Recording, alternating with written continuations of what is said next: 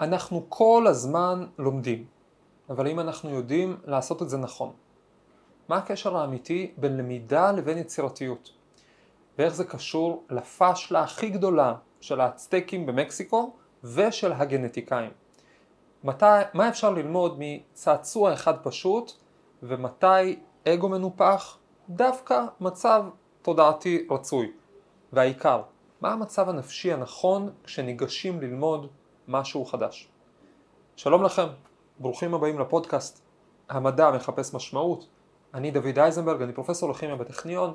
בפודקאסט הזה מדברים על עולמם של המדענים, עולם המדע, יצירתיות, פיתוח אישי, בעיקר מנסים להבין את הרלוונטיות של המדע לחיים שלנו. היום נדבר על איך ללמוד נכון. יש קשר הדוק בין למידה לבין יצירתיות. לכאורה זה נשמע סותר. למידה, עניין פסיבי, סביל, אתה מקבל משהו, יצירתיות, מעיין שופע, המצאות, אבל היום נדבר על נקודת המפתח המשותפת של שניהם והיא מה המצב הנפשי שאיתו אני ניגש אל הספר שאני רוצה ללמוד, אל המאמר שאני רוצה לקרוא, אל ההמצאה שאני רוצה לפתח, אל הכיוון החדש שאני רוצה לפתוח.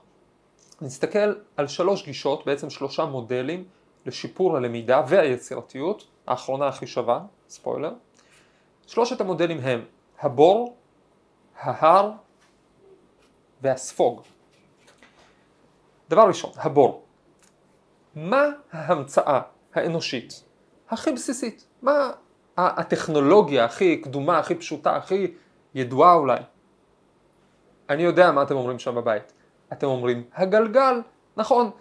הרבה אנשים אומרים את זה, אומרים על מי שהמציא משהו שכולם יודעים זה שהוא המציא את הגלגל, אבל הנה האמת המדהימה. האמת היא שזאת המצאה בכלל לא טריוויאלית.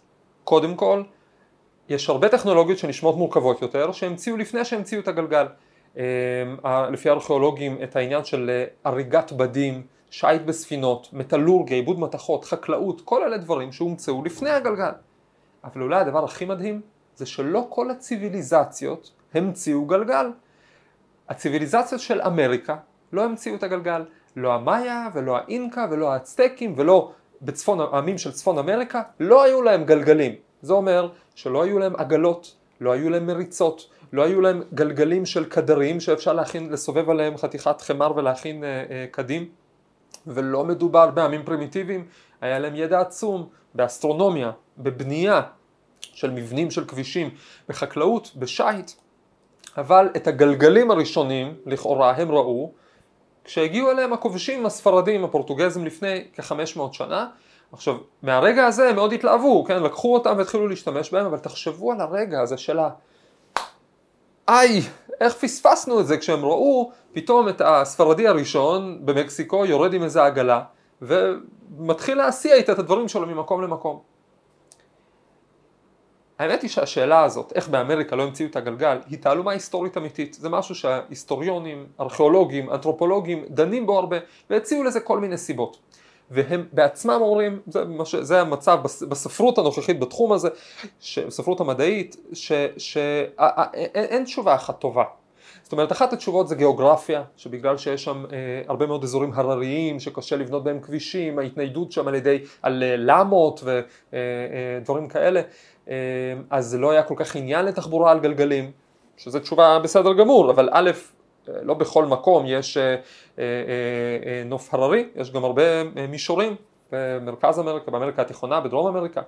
תשובה אחרת זה שאולי אין, לא היו, וזה נכון, חיות מושכות בעול, הספרדים גם הביאו איתם למשל את השברים שיוכלו לסחוב את העגלות שלהם, וזה גם נכון, ועדיין, מה מפריע לך להמציא מריצה? או גלגל, או גלגל של קדרים בשביל להכין קדים. זה, התשובות לא שלמות וזו באמת תעלומה היסטורית. אבל האמת היא שהחידה היא עוד יותר גדולה, בגלל פרט אחד נוסף. וכאן הסוד שאני רוצה לדבר עליו. כי באיזשהו מקום הם כן המציאו את הגלגל, הם רק לא קלטו מה הם המציאו. בסוף המאה ה-19, הארכיאולוג דזירה שרנה חופר אה, בעיר מקסיקו סיטי, קבר של ילד אצטקי. קבר אצטקי של ילד. והוא מוצא שם, זה היה בסוף המאה ה-19, הוא מוצא שם פריט מדהים, מין צעצוע כזה, לכאורה, דמות של חיה, ודרך הגלגלים שלה, דרך, הר... סליחה, דרך הרגליים שלה יש צירים ועליהם גלגלים. צעצוע שהוא על גלגלים שיכול לנסוע. בהתחלה לא האמינו לו, אחר כך חיפשו עד היום מצאו כמה מאות פריטים כאלה. צעצועים שכאלה, דמויות של חיות, לפעמים עם, עם, עם משרוקית, על גלגלים. עכשיו, תמיד בקברים, וכמעט תמיד קברים של ילדים. אמ, בעיקר מצאו את זה בתרבויות של אמריקה התיכונה, אמ, לפני, מתוארך לבערך לפני אלף, אלף מאתיים שנה. עכשיו, יש קצת, יש debate, יש, יש דיון האם זה צעצוע, כי לכאורה זה משהו יקר מדי אה, בשביל לשחק בו כצעצוע, עבודה כל כך מדויקת, אבל זה לא יודעים עד היום, אבל תחשבו כמה זה מדהים. אני מדמיין את המצב, זה אותו ספרדי ראשון שיורד ו- ו- ו- ומוריד איתו עגלה. הרגע הזה שמישהו מסתכל עליו וקולט, הוא קולט משהו בעצם, הוא, הוא, הוא מסתכל על העגלה הזאת, הצטקי או הטולטקי שעומד שם, מסתכל על העגלה הזאת ואומר לעצמו, מה זה? זה כמו הצעצוע של הילדים. זה כמו, זה כמו הדבר הזה שאנחנו קוברים שם. יש לזה גלגלים, איך לא חשבנו על להגדיל את זה ולהסיע עם זה מסעות ממקום למקום, מריצות, עגלות, משטחים וכולי וכולי. הרי מרגע שהספרדים הביאו את זה הם התחילו להשתמש בזה, זה לא שהיה להם איזה משהו עקרוני נגד הדבר הזה. בעצם השאלה הזאת, איך יכול להיות שלא חשבנו על זה? כבר לפחות 600 שנה אנחנו מכירים את הקונספט של גלגלים על ציר, איך לא חשבנו לעשות עם זה משהו שימושי, לעזור לנו בחקלאות, גם בטרסות עוזרת מריצה. יש פה בעצם מסר מדהים לכם. מה נמצא עכשיו לידינו שאנחנו מפספסים? מה הפריט או מה הרעיון שהיה אפשר להשתמש בו בצורה אחרת? אולי יש ממש לידינו מהפכה. עכשיו, זה מאוד מפתה לחשוב ככה, מאוד מפתה לרצות לחשוב ככה, אבל זה גם קשה. כי, אבל למרות שזה קשה, עדיין ברור מה השלב הראשון בדרך הזאת. השלב הראשון זה מצב תודעתי מסוים. השלב הראשון הוא להתרוקן, להסתכל על המציאות ככלי ריק, להתרוקן מהנחות יסוד, על איך דברים פועלים, ממוסכמות חיצוניות על מה מיועד למה ומה לא מתאים לזה, מדעות קדומות על איך העולם עובד, על מ- להשתחרר בעצם ממה שאני יודע, להיות ריק כמו בור, לכן אני קורא לזה מודל הבור. אם אני אהיה ריק באמת, אולי אני אראה שיש לידי גלגל, ואני אוכל באמת ובתמים להמציא את הגלגל מחדש. זה מודל ראשון ללימוד בכלל, מודל הבור. בור הוא חלל ריק, הוא כלי שיכול לקבל את מה ששופכים לתוכו, הוא יכול להתמלא. מה זה אומר ללמוד כמו בור? זה לפתוח את הספר, או, או את הסוגיה שאני צריך ללמוד. סוגיה יכולה להיות גם, אני מתכונן לפגישה ואני צריך לה, להכין את עצמי לפגישה הזאת. להתכונ... ולפתוח את הספר עם ראש פתוח, עם תודעה ריקה. מה זה אומר? זה אומר להתייחס לכל מה שכתוב או לכל מה שמביאים אליי אה, ברצינות גמורה, אפילו בקצת חרדת קודש. לא להתעמת עם זה, לא לחשוב רגע ומה עם זה, אלא באמת לקבל את הדברים כמו שהם. לא להתווכח עם מה שכתוב, לא להטיל ספק, אלא לעבור שורה שורה ולנסות להטמיע. בגלל שזה מצב נפשי שכל כולו קליטה, אז הוא באמת מאפשר קליטה מקסימלית, את הבור אפשר למלא במקסימום. אבל האם זה המצב הנפשי הרצוי תמיד? מה קורה למי שמקבל את כל מה שאומרים לו? מישהו כל הזמן ריק כמו בור, מי שמאמין לכל שורה ושורה רק בשביל לקלוט אותה. בואו נראה למי ש... מה קרה למי שקצת הגזים עם הגישה הזאת. באחת הפדיחות הגדולות בעולם המדע, וזה מביא אותנו גם למודל השני, מודל ההר. אחת הפדיחות הגדולות במדע אה, התרחשה בתחום הגנטיקה האנושית. עם השאלה הפשוטה לכאורה, כמה כרומוזומים יש לבן אדם? כרומוזום זה המארז של החומר הגנטי שלנו, מין מולקולה גדולה כזאת שמורכבת גם מ-DNA, עטוף בחלבונים, מכירים את התמונות של מין X כזה של כרומוזום אנושי, יש כל מיני סוגים, אבל הנקודה היא, השאלה הייתה כמה כאלה יש לבן אדם, החומר הגנטי שלנו, לתוך כמה כרומוזומים הוא ארוז. לכאורה מה הבעיה? תיקח תא, תוציא, תספור, אבל האמת שיש בזה הרבה מאוד קשיים טכניים, צריך תאים לפני התחלקות, מהסוג הנכון, והרבה קשיים של באמת להוציא מתוך הגרעין את המידע הזה ולקח 30 שנה של ניסיונות ומספרים שנעו על פני תחומים שונים עד שבשנת 1921, לפני 100 שנה בערך, הביולוג האמריקאי המוביל תאופילוס פיינטר קבע שהמספר הוא 48, 48 כרומוזומים. היום אנחנו יודעים שהוא טעה, שיש 46 כרומוזומים. אבל פיינטר ניסה לקבל תמונות, הן היו התמונות הכי טובות בזמנו, אבל האמת היא שהסתכלתי עליהן, הן תמונות מאוד מעורפלות, בהצלחה עם לספור שם 48 כרומוזומים, הוא הגיע ל-48 והאמת היא שהוא בעצמו כותב במאמר הידוע מ-1921, לכאורה יש פה בין 44 ל-48, אבל בגלל ככה וככה הוא פוסק, חותך, מכריע, 48 כרומוזומים. והחלק המדהים, שהמספר הזה הופך להיות קדוש למשך 35 שנה.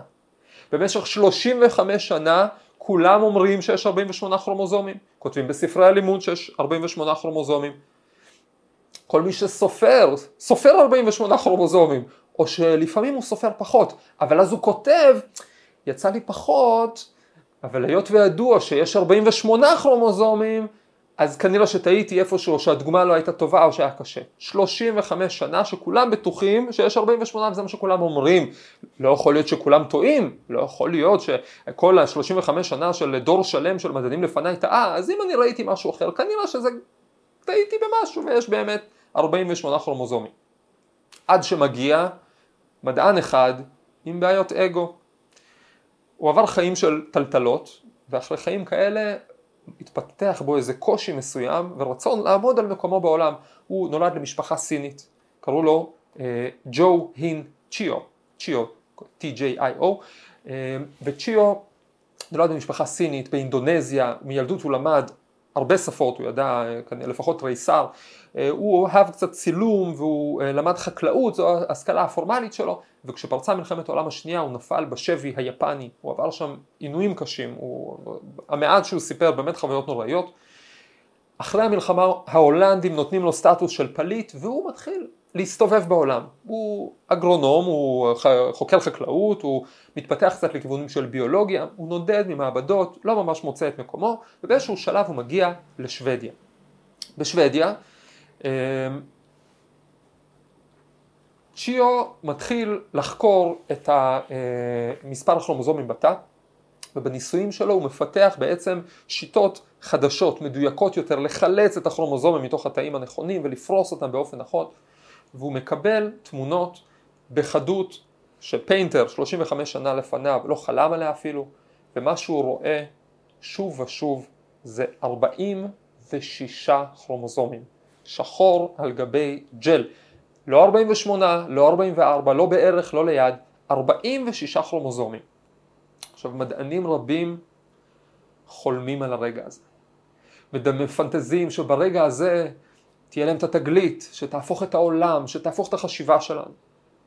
אבל האמת היא שמדענים אחרים לפניו כבר קיבלו את הרגע הזה, רק פחדו ממנו. הם לא רצו להשתמש בו, הרי היו את אלה שספרו 46, היו את אלה שספרו פחות מ-40, מהמספר הקדוש 48, רק מה? הם נבהלו. הם נבהלו מעצמם, הם נבהלו מהסמכות של ספרי הלימוד, הם נבהלו מדורות של, אה, אה, של חזרה על אותו מספר, הם נבהלו מרוחו של תאופילוס פיינטר, אני לא יודע מה, השורה התחתונה היא שהם לא, הם לא התעמתו עם מה שהם רואים בעולם ביחס למה שהעולם מספר להם. אבל לצ'יו, כאמור, היו בעיות אגו, או אולי הצלחות אגו, והוא אמר שאני אגיד שאני טועה, הפוך, אני צודק והספר טועה, אני צודק ו-35 שנה של גנטיקה טועות, הוא פרסם את התגלית שלו יחד עם המנחה שלו. אה, אגב, היה להם ריב על חלוקת הקרדיט של המאמר, כבר אמרנו, היו לו בעיות אגו רציניות, וכשהוא פרסם אותה כולם רצו לבדוק אותו, וקלטו, נכון, 35 שנה של ספירות שבויות, בהשפעה המסממת משהו של הסמכות, וכאן יש בעצם מסר הפוך לגבי לימוד, מצב נפשי הפוך.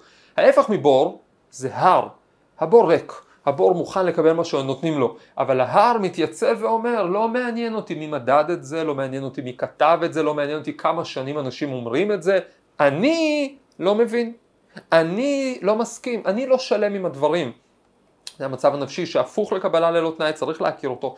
איך זה רלוונטי ללמידה? כשיושב סטודנט מול ספר יש לו מצב, הוא יכול להיכנס למצב נפשי, וראוי שלפעמים, ש, שהוא ייכנס למצב הנפשי הזה, של מלחמה בספר, של ויכוח בספר. זה נכון?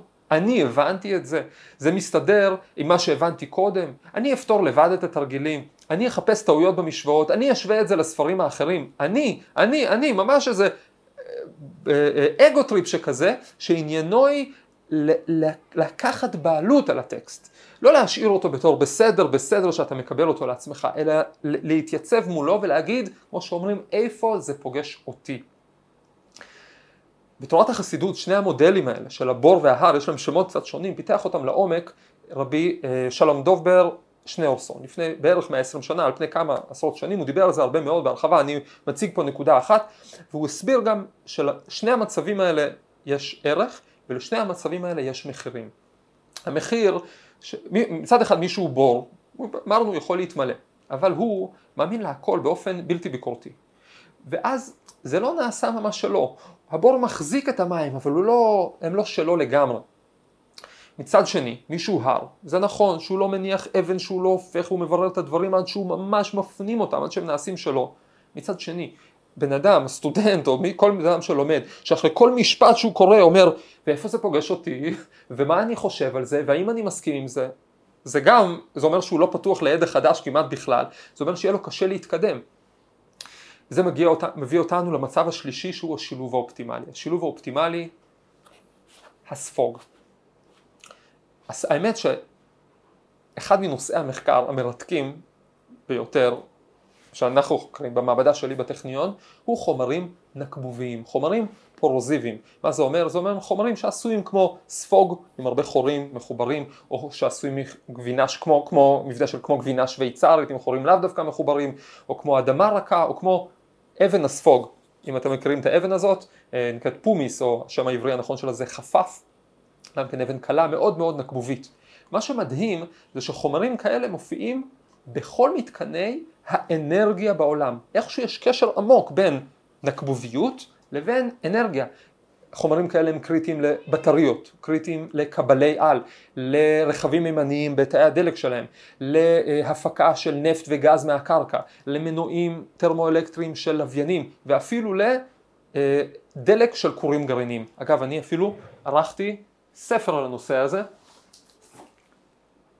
זה חלק מארבעה כרכים Handbook of Porous Materials, אה, ספר החומרים הנקבוביים, אה, כרך ארבע, חומרים נקבוביים לאגירה והמרה של אנרגיה, אני העורך של הדבר הזה, אני לא משווק לכם את זה כי אני רוצה שתקנו את זה, אה, פעם אחרונה שבדקתי, ארבעת הכרכים האלה עולים 1,800 דולר, 1,300 דולר, סליחה, 1,300 דולר, רק ספריות קונות את זה, וגם אז אני לא מקבל תמלוגים.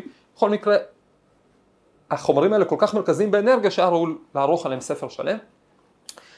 אבל הנה נקודה מעניינת, עובדה מרתקת. מסתבר שהחומר הנקבובי, החומר הספוגי, הקלאסי ביותר, הספוג, הוא גם מודל לאופן הלימוד האידיאלי.